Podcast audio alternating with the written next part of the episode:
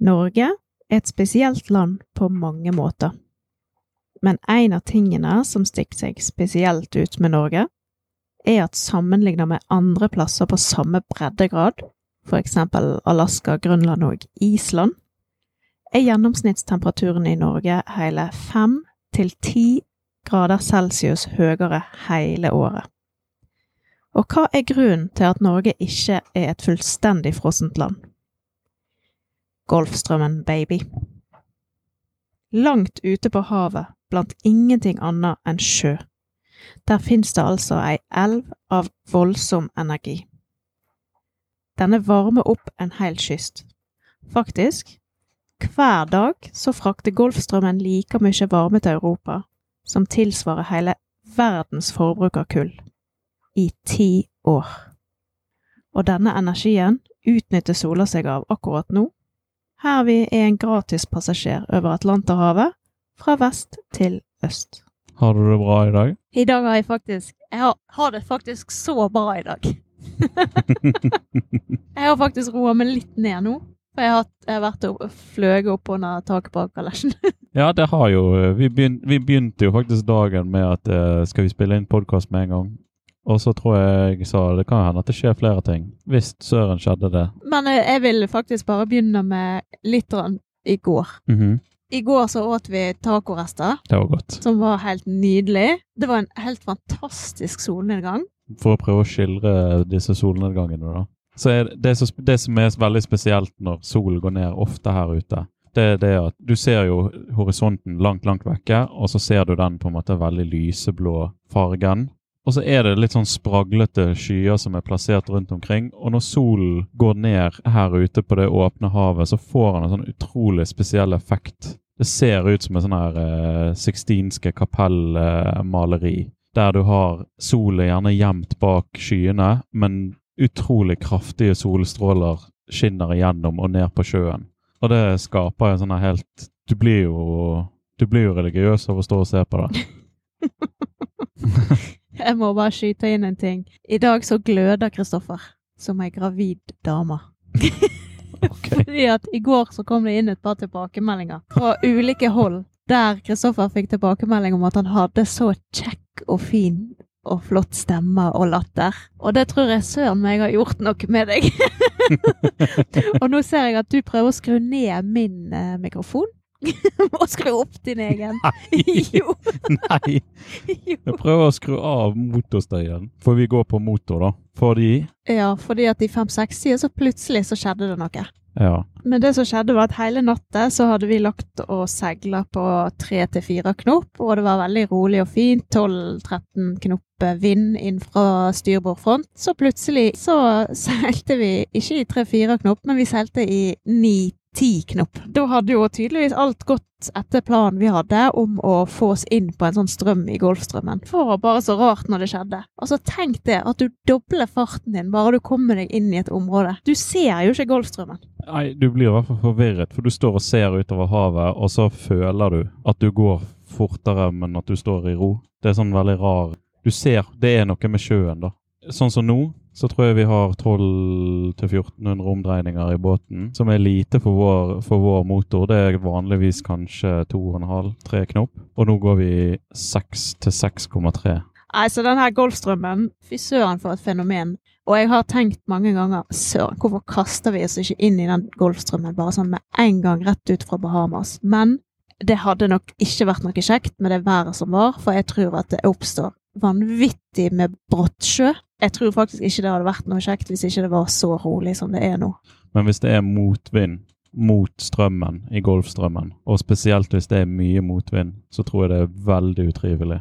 Veldig. For vi har jo Nå har vi medvind med strømmen, og det er ganske vilt her. Det, det er mye bevegelse.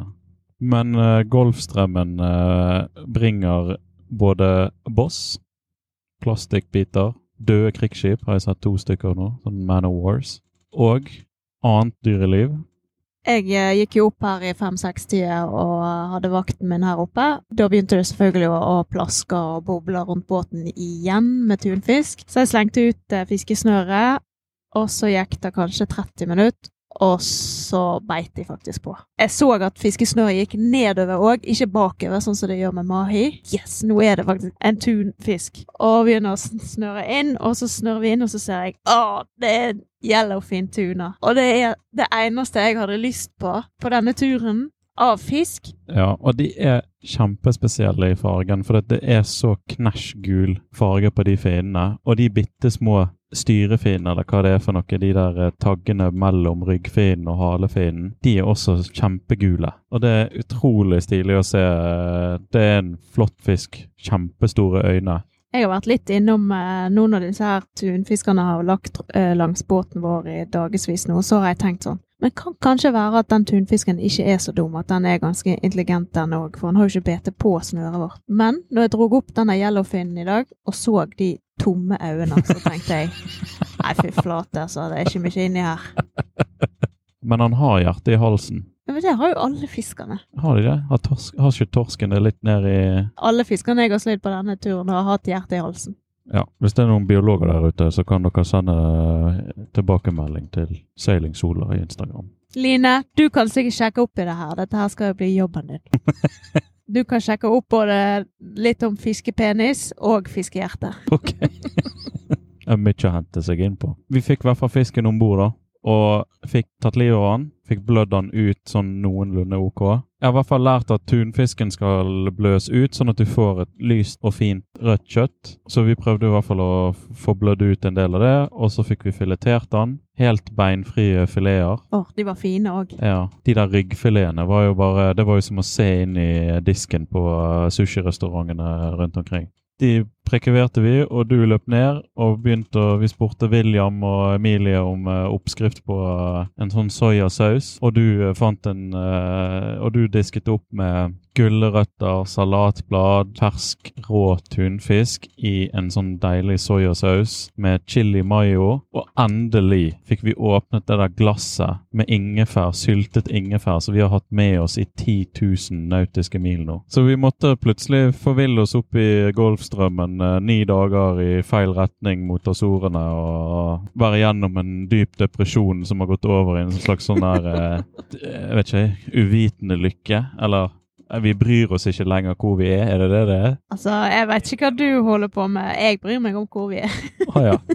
Jeg har tenkt sånn her, nå er vi i hvert fall på Golfstrømmen, og den skal nå, den skal nå opp til Bergen, så Men uh, nei, jeg må bare få bare si takk for uh, frokosten slash lunsjen. Det var en himmelsk poke...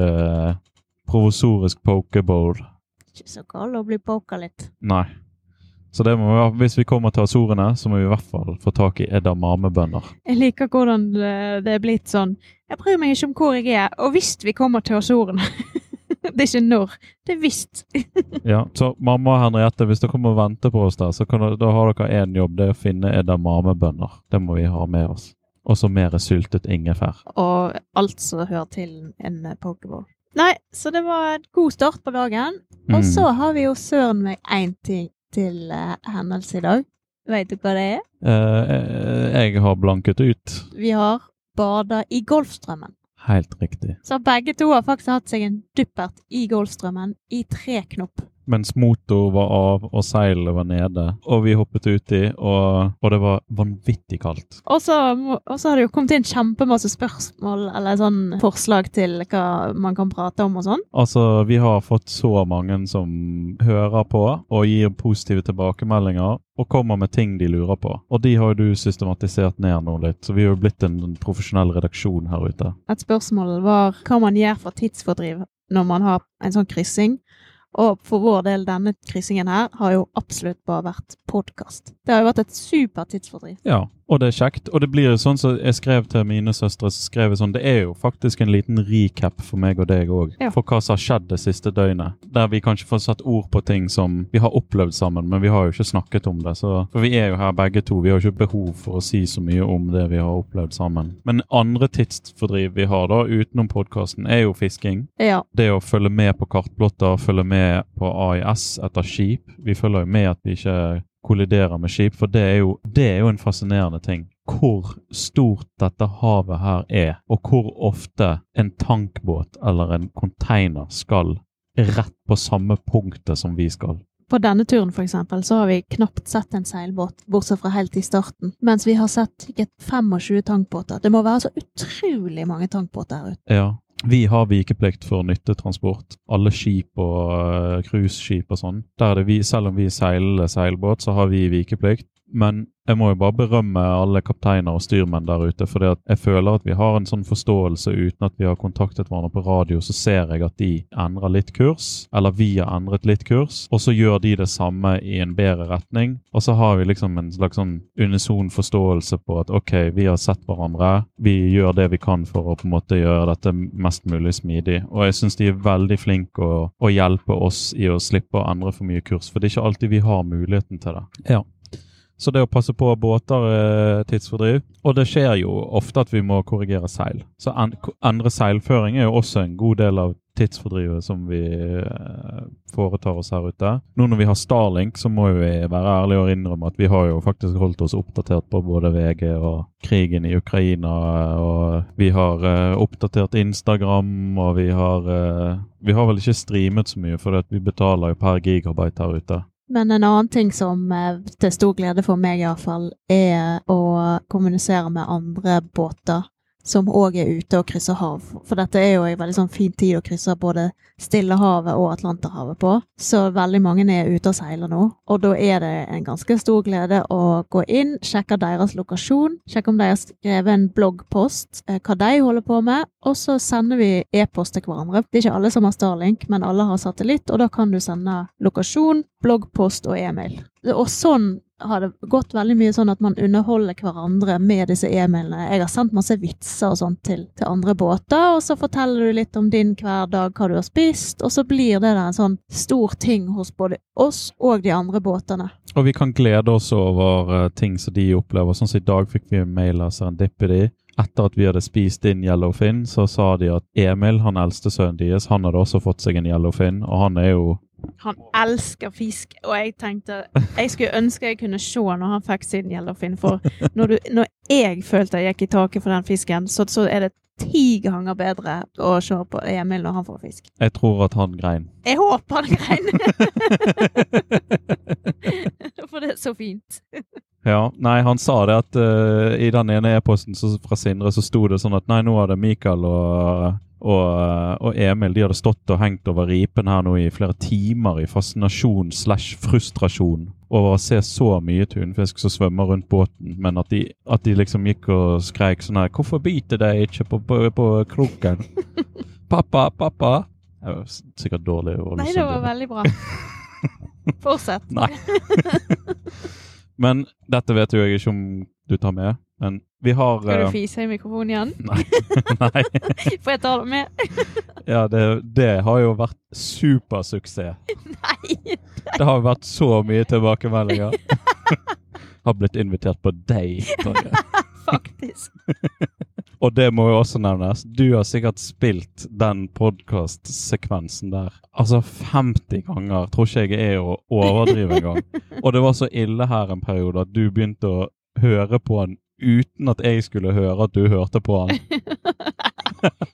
ja, men vet du hva, jeg var, er så fascinert over den gode lyden. All ære til Beartown Media for dette her geniale utstyret. Jeg skal kjøpe med dette her når jeg kommer hjem. Da foreslår han sikkert at vi kan kjøpe hans utstyr og sende et nytt til han. Igjen, hva var det jeg var på vei til å si? Jeg veit ikke, Kristoffer. Jo, vi kan jo bare avslutningsvis fortelle at vi har vært her ute i ni dager. Jeg vet ikke hvor mange nautiske vi, mil vi har seilt, men i, hadde vi kunnet kjørt inn rett linje til Azorene, så er det 995 nautiske mil inn dit nå. Gud, da er vi snart halvveis. Ja, det er ikke så lenge til. Vi kan feire halvveisen i dag. Ja, vi er jo litt på vei vekk. På en Nei, måte. Nei, vi kan feire halvveisen i dag. Ok.